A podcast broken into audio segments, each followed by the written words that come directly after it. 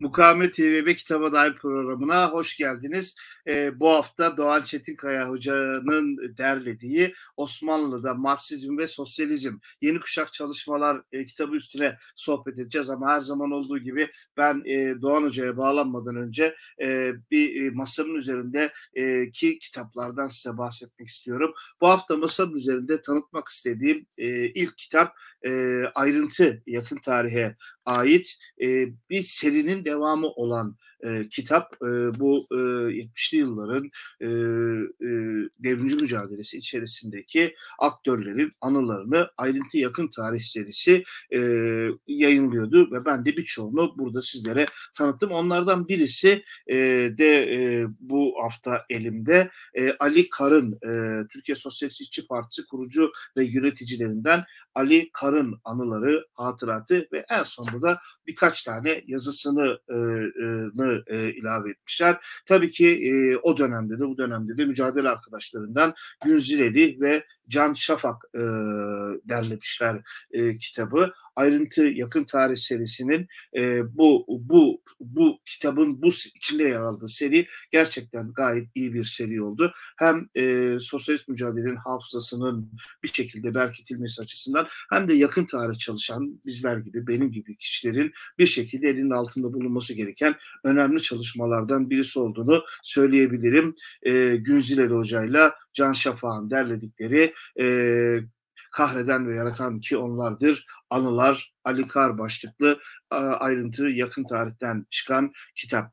E, bu hafta masanın üzerinde sizlere e, tanıtmak istediğim bir diğer kitap da derlemeli kitap. Aksu Hoca, Aksu Bora Hoca e, derlemiş. İradenin iyimserliği başını ve başlığını taşıyor ve alt başlığı 2000'lerde Türkiye'de kadınlar derleme bir kitap olduğunu söylemiştim. Çok farklı açılardan 2000'li yıllarda kadın hareketini çok farklı açılardan dediğim gibi e, ele almaya çalışan e, bir çalışma olmuş. E, 2000'li yıllarda kadın sanatçılardan edebiyatta 1915-1938 anlatılarına e, sosyal medyada kadınların kendilerini işte fotoğraflaması ve onları sosyal medyada e, ya aktarmalarından e, e, işte MHP ve ülke ocaklarındaki kadın hareketinden sol harekette kadın hareket sol hareket içerisinde kadın hareketine Gökova Körfezi'ndeki balıkçı kadınlara kadar birçok farklı konudaki makalelerin yer aldığı e, bir çalışma olmuş. Sadece kadın çalışmalarıyla ilgilenenlerin okuyacağı bir çalışma değil. E, hem kadın okuyucuların elbette ki hem de e, gündelik yaşamla ilgilenen, e, yakın tarihte ilgilenenlerin de rahatlıkla okuyabileceği ve oldukça akıcı bir dille yazılmış makalelerden oluşan bir çalışma Aksu Bora Hoca'nın derlediği e, iletişim yayınlarından çıkan iradenin iyimserliği 2000'lerde Türkiye'de kadınlar başlığını taşıyan çalışma. Kor yayınlarından çıkan bir kitap var elimde. Üçüncü sırada size tanıtmak istediğim Bedrettin ve Börklüce Osmanlı'da sınıf mücadeleleri ve 1416 ihtilali başlığını taşıyor. Bu çalışma da bir e, derleme e, çalışma. 1416 ihtilali dediği 1415-1416 yıllarında İzmir Karaburun'da e, civarlarında başlayan e, Şeyh Bedrettin Börkçüm Fotorlak Kemal e, önderliğinde devam eden bir e, isyan, toplumsal hareket artık e, ne derseniz bu kitapta 1416 ihtilali olarak ele alınıyor. Nasıl anılacağı bu hareketin de yine bu kitapta tartışılan şeylerden biri. Olay desek, ihtilal mi desek, hareket mi desek, ne desek o da uzun uzadıya tartışılıyor. Derleme bir kitap, e, değişik bir çalışma e, olmuş. İslam aristokrasisine ve şeriat üzerine karşı e, Osmanlı'da e, hak arayışları nasıl oluyor diye Faik Bulut soruyor makalesinde. E, yoksulların baş kaldırısına tarihsel bir bakış Sibel Hoca, Sibel Özbudun Hoca e, bu konuda bir makaleyle katkıda bulunmuş. E, dini ideoloji ve tarihsel yönleriyle e, e, Bedrettin ve Börtücü hareketine farklı bir bakış getirmeye çalışan makalelerden e, bu toplum bunu bir toplumsal hareket olarak Osmanlı içerisinde 15. yüzyıldaki bir toplumsal hareket olarak nasıl değerlendirileceğine dair çeşitli makalelerin yer aldığı e, bir çalışma olmuş. E, Artık adına ne dersiniz? Burada da dediğim gibi bir isim tartışması var. 1416 ihtilali, Bedrettin Börtücü ayaklanması, isyanı, toplumsal hareketi işte bununla ilgili farklı bir bakış açısı. Ben gerçekten e, kitabı okuduğumda böyle de bakılabiliyormuş. Bu şekilde de ele almak mümkünmüş e, dedim e, ve bana da farklı bir pencere açtı. E, ben bu konuyla ilgilenenlere mutlaka e, tavsiye edeceğim bir çalışma olmuş. E, derleyenleri de yazarlarını da eline sağlık. Elimde masamın üzerinde sizlere tanıtmak istediğim dördüncü çalışma ise gazeteci Hayri Demir'e ait başlığı zaten ve kapağı zaten görüyorsunuz neyle ilgili olduğu da zaten kendisini gösteriyor. E, Selahattin Demirtaş Hacı kitaba bir de ön söz e, de yazmış. Ön sözde de aslında e, kitabın neyi anlattığı ve neyi ne, neyden bahsettiğini bizzat Selahattin Demirtaş kendisi yazmış. Yani kitap zaten onun adını taşıyor diyeceksiniz ama Selahattin Demirtaş tam öyle demiyor. Elinizdeki kitap benimle ilgili gibi görünse de kendisi yazmış dedim. Aslında 10 yıllardır kahramanca direnen bir halkın özgürlük mücadelesinin bir kesiti hakkında tarihe düşülmüş bir e, nottur diye başlamış e, çalışma.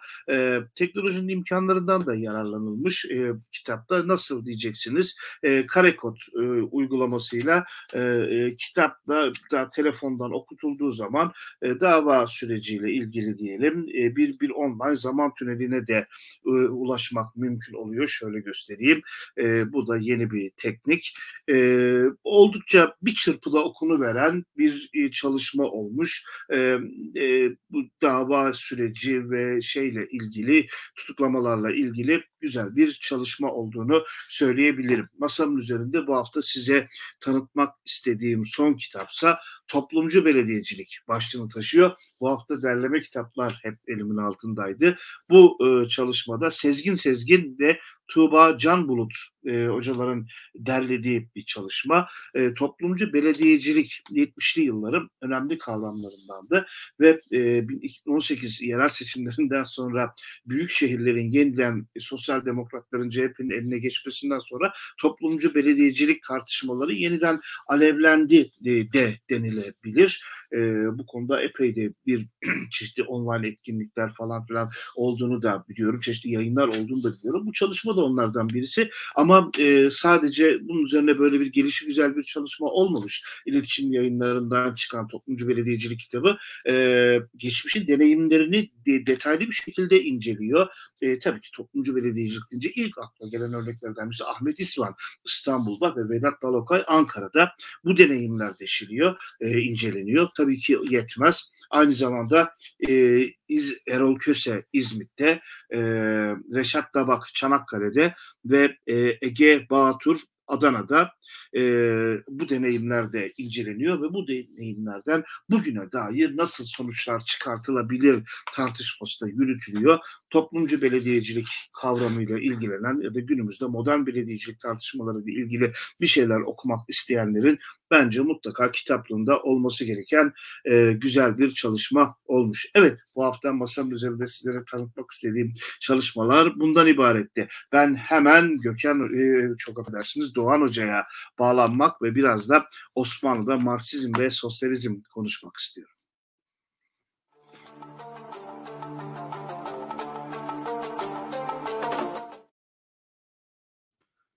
Hocam hoş geldin. Merhaba, hoş bulduk. Vallahi çok güzel dinliyordum beş kitabı. çok sağ ol hocam. Çok teşekkür ederim. Ben de böyle güzel bir çalışmayı derlediğiniz için size teşekkür etmek istiyorum. Eyvallah. Gerçekten yani e, böyle belim ağrıya ağrıya ama böyle bırakmadan falan şunu da altını çizeyim, bunu da not alayım ki bu konuyla ilgilenen ve bunu da bununla ilgili ders falan da vermeye çalışan biri olarak çok yeni şeyler öğrendim. Ee, yazar arkadaşlara da derleyen olarak da sana da çok teşekkür etmek istiyorum. Hemen lafı uzatmadan ilk sorumu sorayım. Hemen akıntıya kürek çekmek diye girmişsin e, derleyen olarak e, ve e, e, kitabın alt başlığı da yeni kuşak çalışmalar diye geçiyor. Akıntıya kürek çekmek etmekten kastı ne? Yeni kuşak çalışmalar da eski kuşaktan farkı ne ya da neden yeni kuşak çalışmalar alt başlığını kullandınız diye sorayım hocam. Eyvallah, teşekkürler. Eee, akıntıya küre karşı kürek çekmek, eee, her şeyden önce ikili bir bağlamı var. Birincisi, eee, hem işçi sınıfı tarihi üzerine çalışmak hem de sosyalist ideoloji, komünist ideoloji, sol düşünce üzerine çalışmak, eee, milliyetçi muhafazakârlığın çok revaçta olduğu bir ülkede her şeyden önce politik akıntının tersine doğru kürek çekmeyi bir şekliyle getiriyor. Ama sadece bu ülkeye dair bir şey değil kendi ülkemize. Eee, bu içinde yaşadığımız dünya da biliyorsunuz neoliberal dünya, kapitalizmin eee, bir başka evresi olarak çokça tartışıyoruz. Piyasanın, piyasacı düşüncenin hakim olduğu, özelleştirmenin baş tacı edildiği her ne kadar bugünlerde biraz erozyona da uğrasa. Eee, böyle bir ortamda tabii eee, böyle komünel fikirler üzerine eee, çalışmalar yapmak, hele bunu akademide yapmaya çalışmak eee, ciddi zorlukları ihtiva ediyor. Bundan dolayı bu anlamda akıntıya kürek çek, karşı kürek çekmek. Bunun yanında bu e, alanda çalışma yapmak yeni kuşak çalışmalar dedik. E, bir anlamda da aslında bizim kuşağın benim içinde yer aldığını düşündüğüm ve uzunca bir süredir e, gerek toplumsal tarih çalışmaları çerçevesinde olsun, gerekse e, sosyoekonomik e, çalışmalar çerçevesinde olsun. Kendi kuşağımı biraz da değerlendirdiğim bir çerçevem var. Oradan baktığımızda da bizden önceki kuşakların yaptığı çalışmaların e, eleştirisi, e, sorgulanması üzerinden bir literatür değerlendirmesi yaptığım için kendimi de dahil ettiğim kuşağın jenerasyon anlamında yaptıklarını aynı zamanda yeni kuşak. Yani yeni kuşak derken hem yeni yapılan e, günümüzde icra edilen çalışmalar, kazı faaliyetleri, teorik tartışmalar aynı zamanda da bir jenerasyon olarak bizim kuşağın neoliberal dönemde yetişmiş bu üniversitelerde bu neoliberal üniversitelerin içerisinde kariyer e, edinmek zorunda kalmış kuşağın kendinden önceki kuşağı e, eleştirel bir şekilde ele aldığı e, bir durumdan bahsediyoruz. Onun için akıntıya karşı kürek çekmenin çok büyük anlamı var. Yani hem güncel politik durum hem başka bir kuşağa karşı eleştirel yaklaşmak hem neoliberal dünya derken baya bir akıntı var karşıdan geliyor ama biz işte küreklere asılmış durumdayız. E, hocam e, senin de senden sonra e, ki ilk makalenin de e, Arda Odabaşı da bu konuya çok detaylı bir şekilde e, değiniyor. E, Şimdi diyorsunuz ki e, hakim e, bu konudaki çalışmalar e, sosyalizm Türkiye'de yoktu çünkü sanayi yoktu e, hemen bir parantez açıp kapitalizmin sanayiyle eş anlamlı kullanılmasını da sen çalışmanda eleştiriyorsun. E, bu, bu, buna da bir şey getiriyorsun. İki, varsa da gayrimüslimlerin elindeydi. Üç, e, onlar da zaten liberaldi. Yani burada diyorsun e, uzun uzadıya da tartışıyorsun. Ya bir saçma bir durum var. Yani sosyalizm yok varsa da liberal e, hiçbir şey yoksa da gayrimüslimlerin elinde yani hiçbir şey olmadıysa da bir şey olmuştur gibi bir şey var. E, ama sen diyorsun ki Osmanlıca bilen bir o dönemde yaşayan birisi iyi kötü gazete okuyorsa sosyalizmin hiç değilse e, introduction'ını, ABC'sini öğrenebileceği materyal vardı orada diyorsun. E, şimdi birincisi eski kuşaklar e, neden bu şekilde bakıyor olabilirler? İki, gerçekten de hani bunu biraz daha detaylandıralım. E, o dönemde 1904'lerden 5'lerden alıyorsun sen. 1908 civarlarında yaşayan birisi e, nasıl öğrenirdi sosyalizmi? Nerelerden öğrenirdi bu işin ABC'sini? Evet. Eee, senin de belirttiğin gibi bizden önce kuşaklar eee, çok da fazla sosyoekonomik eee, araştırmalarını bu merkezde yapmadıkları için ve de bu literatüre çok derinlemesine girmedikleri için, araştırmaları bu alanda yapmadıkları için, biraz da daha fazla Cumhuriyet'in ilk dönemleri ve sonrasına odaklandıkları için Osmanlı'daki sosyalist fikriyatı biraz es geçerler. Bu sadece Türkçe e, literatür açısından değil, e, yani Osmanlıca yazılmış Marksizme, sosyalizme dair külliyata ilişkin değil. E, Stefo'da makalesinde burada diyor, yani Rum cemaatinin içerisinde de daha önce bilinmedik grupların, yayınların e, incelenmesi ne yazık ki günümüze kadar e, gelmiş durumda. Yani ertelenmiş durumda. Bundan dolayı bunun birinci sebebi e, bu. Yani bu alandaki kaynakları o zaman da yaratılmış sosyalistlerin ürettikleri gazeteleri, dergileri, o zamanın örgütleri, Osmanlı Sosyalist Fırkası gibi, Türkiye Sosyalist Merkezi gibi örgütlerin e, çalışmalarını, yayınlarını e, biraz araştırmamakla e, aslında ilgili. Bizden önceki kuşakların bu alanda bir külliyat birikim ortaya çıkartmamış olmaları. İkincisi senin de belirttiğin gibi kapitalizmi çok fazla sanayi devrimiyle özdeşleştirdikleri ki bu aslında çok e, abesle iştigal değil tabii böyle bakanlar çok ama soldan böyle bakılması abesle iştigal çünkü hani Marksizmin en temel e, teorik tartışmalarına baktığımız zaman kapitalizm bir üretim ilişkisidir. Sömürenle sömürülen arasındaki bir üretim ilişkisidir. Üretim tarzını tanımlayan şey bu ilişkiye dairdir. Bundan dolayı biz teknolojiye bakmayız. Teknoloji ne olursa olsun biz sömürenle sömürülen arasındaki ilişkiye bakarız. Üretim araçlarını kim sahip, üretim araçlarına sahip olmayanlar kimler? Buradan bakarız. Buradan baktığımızda da Osmanlı İmparatorluğu'nun 18. yüzyılın sonlarından itibaren özellikle 19. yüzyılda ciddi anlamda meta ekonomisinin içerisine girdiğini, ekonomik e, üretimin metalaştığını görüyoruz. Bu da tabii ki de bir e, üretenler, emekçiler sınıfını proleterleştiriyor hızlı bir şekilde. Proleterleştirdiği için de e, buna dayanan çok ciddi e, toplumsal hareketler ortaya çıkıyor ve zamanla da sosyalizm 19. yüzyıl sonu 20. yüzyıl başında ortaya çıkıyor. E, Türkçe ortaya çıkıyor, Rumca ortaya çıkıyor, Ermenice ortaya çıkıyor, Ladinoca yani e, Seferat Yahudicisi yani İspanyolca olarak ortaya çıkıyor. E, bundan dolayı Osmanlı İmparatorluğu'nda e, merkez e, vilayetlerinde yaşayan bir Osmanlı vatandaşı hangi cemaatten olursa olsun e, cari olan kullanılan dillerden herhangi birisini sahipse okuyabiliyorsa okuma yazması varsa e, Osman e, sosyalizmin ABC'sini yani giriş bilgisini, Marksizm olabilir, ikinci internasyonelci bakış açısı olabilir, devrimci sendikalizm olabilir, anarşizm olabilir. Bu anlamda hani tek sınırlı bir damarla da e, sınırlı kalmayacak bir şekilde çok farklı e, versiyondaki yorumları hakkında bilgi edinebilir. Yani gazete okuyacak, dergi okuyacak ya da bir şekliyle o zamanda ortaya çıkmış bir takım sosyalist örgütler var. Hem politik örgütler var hem sendikal örgütler var. Yani sosyal e, iktisadi örgütler var. E, hem de politik örgütler, siyasi partiler var. Hem de sivil toplum örgütleri, cemiyetler var, dernekler var. Bunların e, faaliyetleriyle değerlerse bu bir kahvehanedeki konferans olabilir, bir e, grev hareketi olabilir, bir miting olabilir, bir yürüyüş olabilir. Bunlarla temas edebilir ya da işte okuma yazması varsa bu yayın organlarından herhangi birisindeki tartışmayı izlerse ya da bunları çıkaranlarla bir kahvehanede, bir tiyatroda karşı karşıya gelirse e, Marksizmi, sosyal demokrasiyi, devrimci sendikalizmi, anarşizmi e, en temel akidelerini öğrenme imkanına sahip olabilir. Biz ee, bunu belgeleriyle göstermeye çalışıyoruz. Evet. E, peki bu e, hareketleri kazıdığımızda altından ya liberalizm ya milliyetçilik mi bulacağız hocam?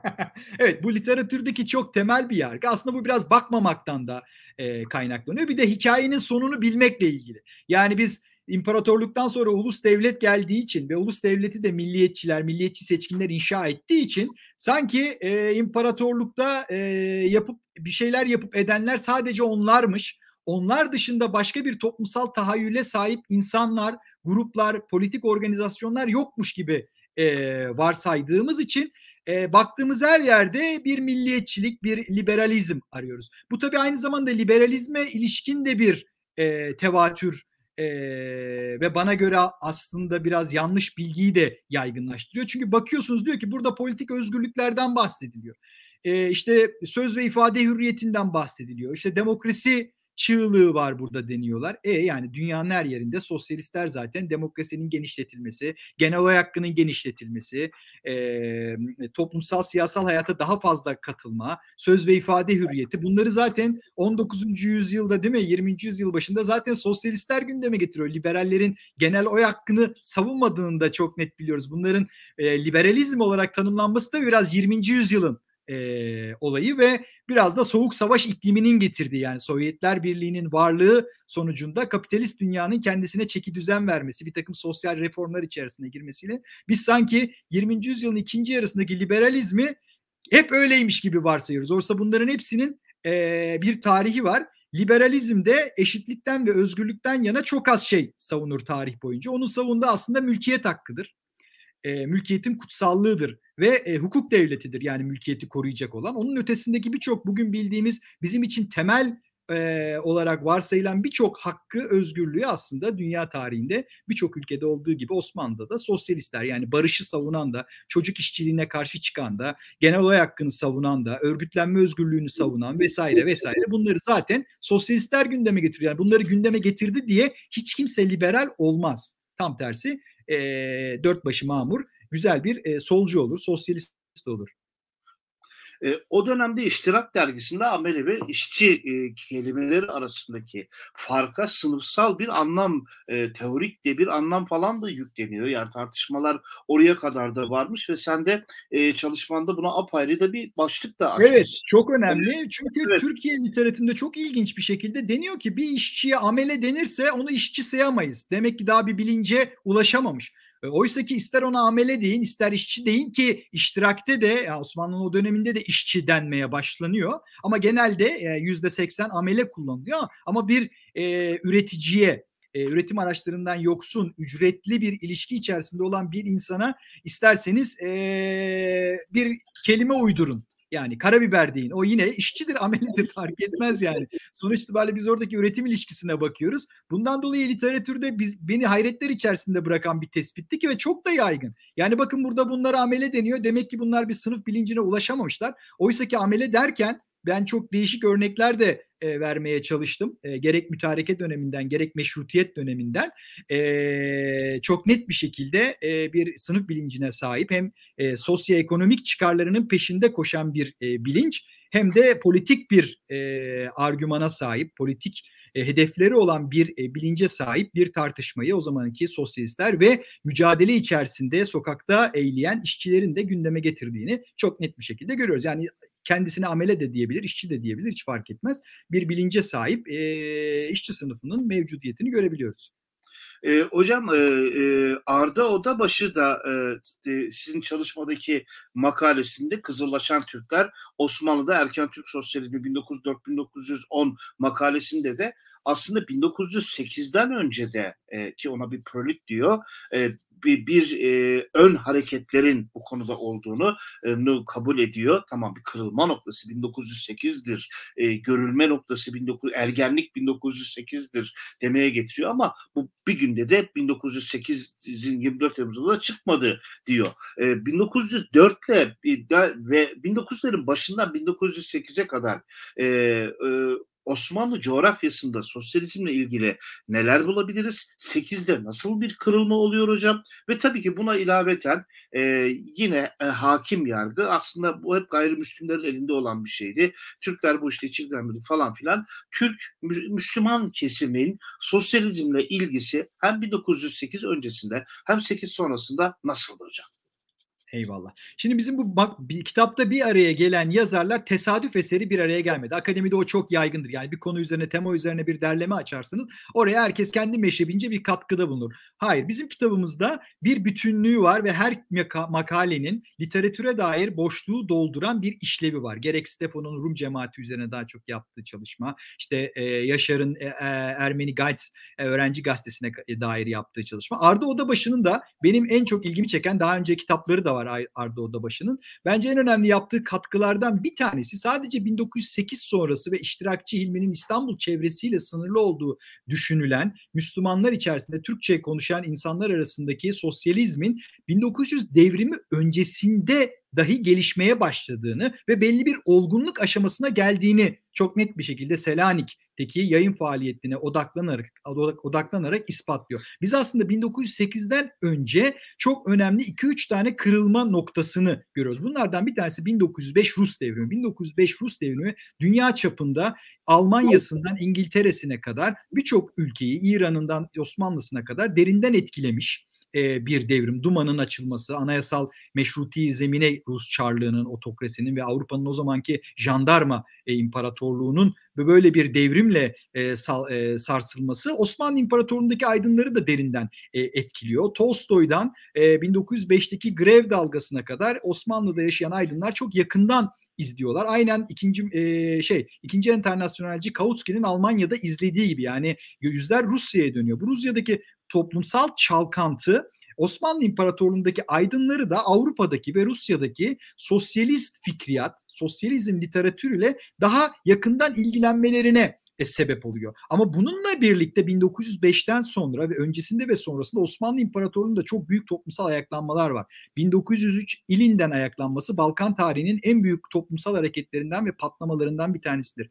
1906-1907 vergi isyanları Anadolu'da çok önemli 1908 öncesi büyük bir ayaklanmadır. Bundan dolayı doğusunda batısında Osmanlı İmparatorluğu'nun en büyük sosyal patlamalar var 1900 devrimden önce, 1908 devriminden önce. Hem de 1905 Rus devrimi dolayısıyla e, özellikle Müslüman Türk nüfus içerisinde bir e, Selanik'te uyanışa e, neden oluyor. Çünkü daha öncesinde Rumlarda ve Ermenilerde zaten var. Yani Hınçaklardan, Taşnaklardan bildiğimiz biraz daha gelişkin orada fikriyat ama 1908 öncesinde Arda'nın gösterdiği bizim daha çok ırkçı, iddiatçı ve Türk milliyetçisi olarak bildiğimiz kişilerde dahi onların bu fikirleri çok daha olgunlaşmadan önce sosyalizmin bir alternatif olarak onlar içerisinde de yaygınlaştığını o çevrelerde görüyoruz. Genç aydınlar arasında. Yani tarihte sonuna bakıp sanki doğuşunda da her şey aynıymış gibi bakmamak lazım. Mesela İttihat Terakki Cemiyeti 1908 öncesinde bambaşka bir e, örgüttür. 1908'den hemen sonra başka bir örgüttür. Balkan Savaşları ve Birinci Dünya Savaşı'nda bambaşka bir örgüttür. Her olgunun, her sosyal organizasyonun, her oluşumun bir tarihi vardır. Ve bunun özü yoktur. Değişir. Zamana ve mekana göre değişir. Sosyalizm fikriyatı da böyledir. Sınıflar da böyledir. Yani zaman ve mekanla malumdur. Bundan dolayı e, Arda'nın o e, makalesi bu anlamda önemli bir boşluğu dolduruyor ve daha önce hiç bilinmeyen, literatürde hiç değinilmeyen e, bir olguyu bizim gözlerimizin önüne seriyor. Bu anlamda gerçekten çok önemli. Hocam çalışmanın başında da, da sen de yazıyorsun. Biz burada sohbette de e, geç şey yaptık. O dönemde yaşayan biri demiştik. Yani sosyalizmin işte ABC'siyle ilgili bir şeyler e, biraz di, e, e, kendi dilinde okuma yazma biliyorsa bir şeyler biliyordur diye. Hatta e, okuma yazma bilmese bile bir şeyler öğrenebileceğini de e, Bilge Seçkin Hoca'dan, e, Çetinkaya Hoca'dan e, öğreniyoruz. E, tiyatro oyunları da var. Yani evet. tiyatro oyunları da e, e, bu konuda bayağı bir e, etkili oluyormuş. E, oradan öğreniyorum ben de e, sizin bak kitaptan. E, bu konuda da e, bir şeyler söylemek istersin herhalde. Evet çok önemli. Neden? Şimdi tiyatro deyince de tabii Osmanlı İmparatorluğu tiyatro tarihine dair de çokça tevatür var. Bilge Seçkin Çetinkaya da bunu çok ciddi sorgulayan çalışmalar yapıyor. Çünkü orada da batı taklitçisi olan işte çok fazla da gel- sanatsal anlamda gelişmeyen oyunlar olduğu çokça söyleniyor. Onun bir de e, yüksek sans tezi vardır. Devrim günlerinde sokak tiyatrosu, politik tiyatro diye inşallah yakın zamanda o da yayınlanacak. E, yani bir canlı tiyatro hayatı var. Tiyatro ne demek? Tiyatro demek piyasa demek. Yani insanlar para verip bilet alıp gidip bir oyun seyrediyorlar. Onun için oyun sahneye koyanlar insanların ilgisini çekmeyecek bir şeyi sahneye koymuyorlar. Konu olmayacak, kamuoyunda tartışması olmayacak bir şeyi sahneye koymazlar. Çünkü bunu satıyor. İlgi o e, marjinal bir şeyi sahneye koyamazsınız. Bundan dolayı Bilge'nin çalışması e, sosyalizmin tiyatro sahnelerinde Türkçe olarak e, sahneye konulan ki daha değişik dillerde sahnelendiğini de biliyoruz, tartışma konusu olduğunu da biliyoruz. Ama Türkçe olarak da meşrutiyetten sonra 1908'den sonra sosyalizmi konu alan bir kısmı hayırha yani olumlu anlamda sosyalizmi propagandasını yapan bir kısmı da demek ki bir güçlü olmuş ve farkındalığı olmuş ki yermek için yani sosyalizmi yermek için konu edinen oyunlar sahneleniyor. Bu bize sosyalizmin kamuoyunda belli bir bilinirlilik kazandığına da işaret ediyor. Onun için Bilge'nin bu çalışması kitapta çok önemli bir yeri e, dolduruyor. Yani sadece sosyalistler, sosyalist yayınlar, sendikalar, siyasal partiler değil, kültürel hayatın, piyasa ekonomisinin önemli bir cüzü olan tiyatro sahnesinde de sosyalizmin kızıl bayrağı sallanmış oluyor. Bu da bize önemli bir gösterge oluyor sosyalizmin e, o günlerde kazandığı yaygınlık. Aynen benim makalemde Hüseyin Rahmi'nin çok bilinmeyen, kimsenin dikkatini çekmeyen Kuyruklu Yıldız altında bir izdivaç kitabında 2-3 kere sosyalistlerden, bir kere anarşistlerden, e, bunda terör anlamında değil siyasal ideoloji olarak anarşistten bahsetmesi bir tesadüf eseri değil. Çünkü o da e, tefrika ettiği romanını satmak için e, sonuç itibariyle yazıyor ve daha sonra kitaplaştırıyor bunu da. Orada da bundan bahsediyor.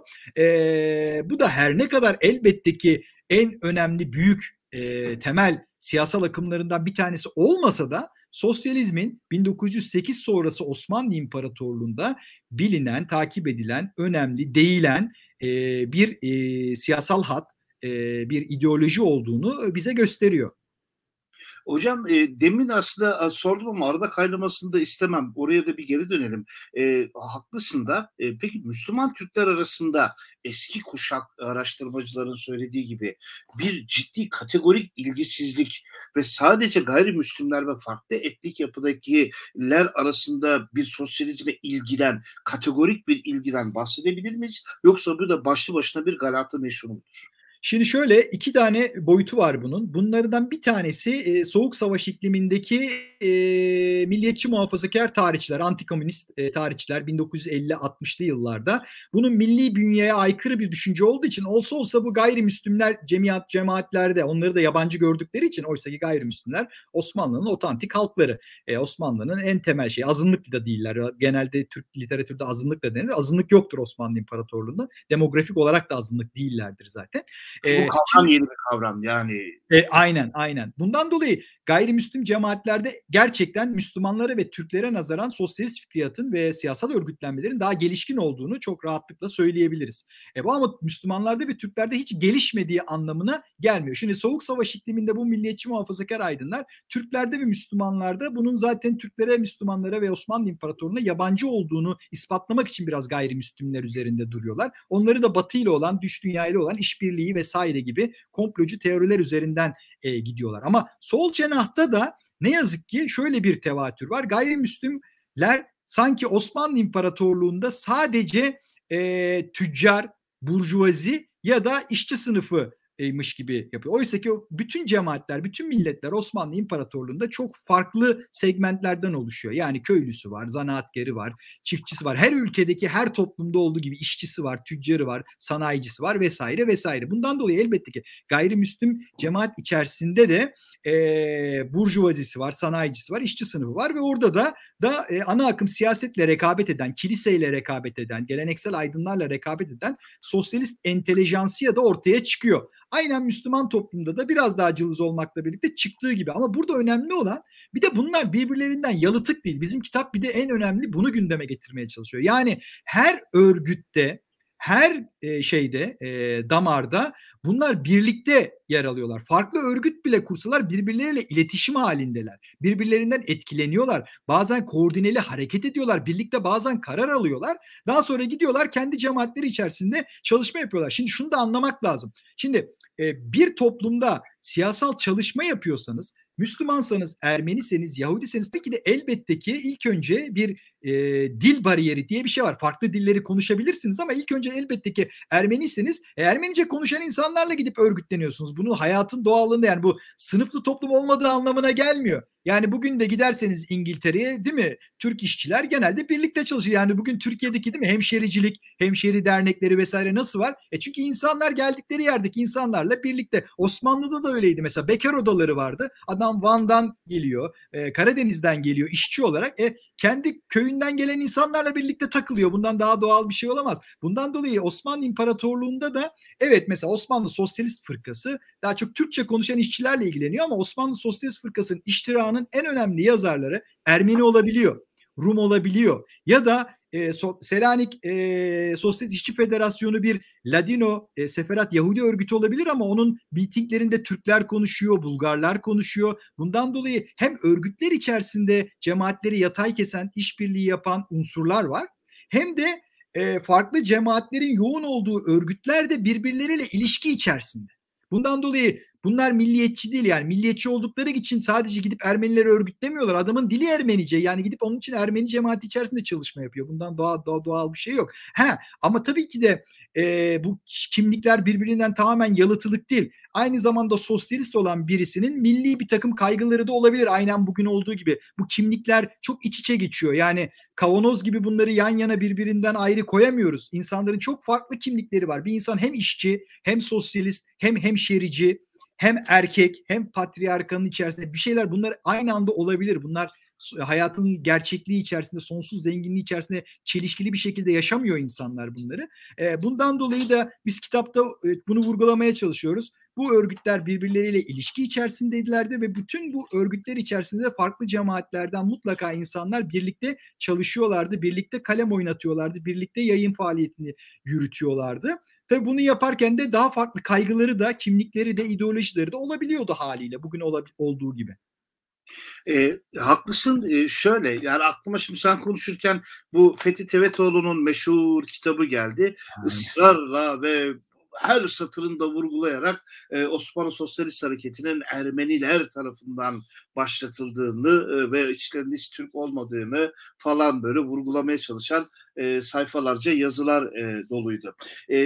Siz kitapta Yaşar Tolga Cora Hoca Ermeni sosyalistlerin Osmanlı Sosyalist Hareket Osmanlı'da Sosyalist Hareket'in gelişmesinde önemli katkılarının olduğunu Ermeniler içerisinde Sosyalist Hareket'in daha görünür ve daha bilinir hale gelmesinde de bir öğrenci birliği dergisi olan Gayts'ın önemli bir yeri olduğunu söylüyor. Bu ilişki yani Gayts Ermeni hareketi içerisinde Ermeni e, e, sosyalist hareketi Osmanlı sosyalist hareketi içerisinde gelen anlamda nasıl bir öneme sahip diye e, sorayım hocam.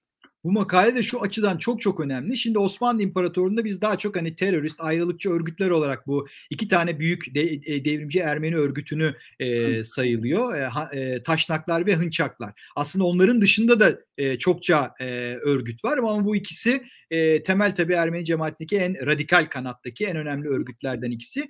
E, Tolga'nın yaptığı şu açıdan da çok önemli. Doğrudan Hınçak Partisi'ni bile değil İstanbul'da bir e, öğrenci kolunun, örgütünün uzun bir süre şimdi Osmanlı İmparatorluğu'nda bir sene çıkmış gazete ve dergiyi biz çok uzun süre çıkmış sayıyoruz.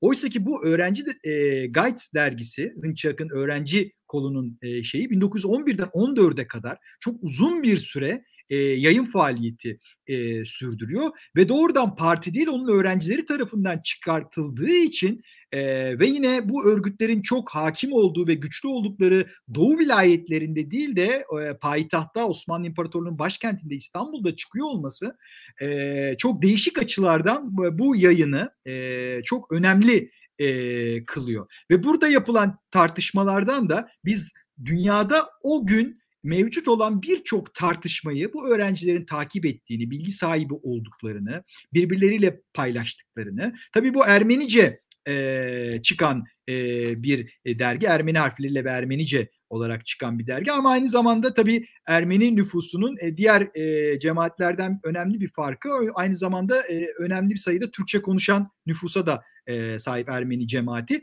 Bundan dolayı bu cemaatler arasındaki etkileşim açısından da önemli İstanbul'da bunun çıkıyor olması. Yoksa mesela 1908 öncesinde de 1 Mayıs kutlamalarından Karl Marx anmalarına kadar Van'da vesaire o havalde çok ciddi sosyalist etkinlikleri e, hem işlevsel hem sembolik anlamda e, görebiliyoruz. Gayets'te işte bunun İstanbul'da ve meşrutiyet e, günlerinde ortaya çıktığını görüyoruz. Çünkü bu dönemde Bulgarlar olsun, Rumlar olsun ki Stefan'ın makalesi tam da onu gösteriyor zaten. Ermeniler olsun, Müslüman Türkler olsun, daha Araplar ve şeyler üzerinde de Arnavutlar üzerinde vesaire de durmak lazım. E, bunların e, eş zamanlı olarak benzer temalar. Onun için mesela görsel olarak da e, onu e, seçtik biz. İştirakte de mesela Karl Marx'ın olduğu bir kapak var. E, aynı e, Karl Marx imajını Geitz'ın da bir e, kapağında e, görebiliyoruz. Bundan dolayı e, aslında aynı e, mentalitenin ve iklimin, e, ortamın e, parçaları bunlar ve birbirlerini puzzle'ın parçaları gibi adeta tamamlıyorlar. Hocam son soru ve e, tüm konuklara sorduğum soru. E, ne çalışıyorsun bundan, e, bu aralar ve seni bundan sonra hangi kitapla e, kitaba daire konuk edeceğiz? eyvallah eyvallah. Ben kendim bu konuda çalışmaya devam ediyorum. Normalde ben toplumsal tarihçiyim. Bu düşünce tarihini yandan çalışıyorum. Daha önce Boğaziçi Üniversitesi'ndeki hocam e, kaybettik. Yakınlarda Yavuz Selim Karakışlan'ın e, şeyiyle girmiştik. Kapıyı açmıştı. Oradan yandan yandan devam ediyorum. Ben aslında şu anda tam tersi bir şey çalışıyorum. Yani e, dedik ya üretim ilişkisi. işçi varsa kapitalist vardır. E, ben İş Bankası tarihi çalışıyorum. Muhtemelen yakında e, 100. yılda geliyor 1924'te bir Türkiye İş Bankası tarihi yani banka kapitalizmin, kapitalin, sermayenin bir vehçesini yazıyorum. Muhtemelen beni onunla görür okuyucular bundan sonra. İnşallah. Çok teşekkür ediyorum. Geldiğin ben için, görüşlerini bizimle paylaştığın için. Ee, sağ olun, çok sağ. Çok teşekkür ederim. Ee, bir kitaba dairin daha sonuna geldik. Ee, Doğan Çetinkaya Hoca'ya tekrar tekrar teşekkür ediyorum. Lütfen görüş ve eleştirilerinizi kitaba dair et metekankaynar.com.tr adresine e, yazın. Bir başka kitaba dair programında tekrar bir arada olmak üzere. İyi akşamlar diliyorum. İyi akşamlar. Música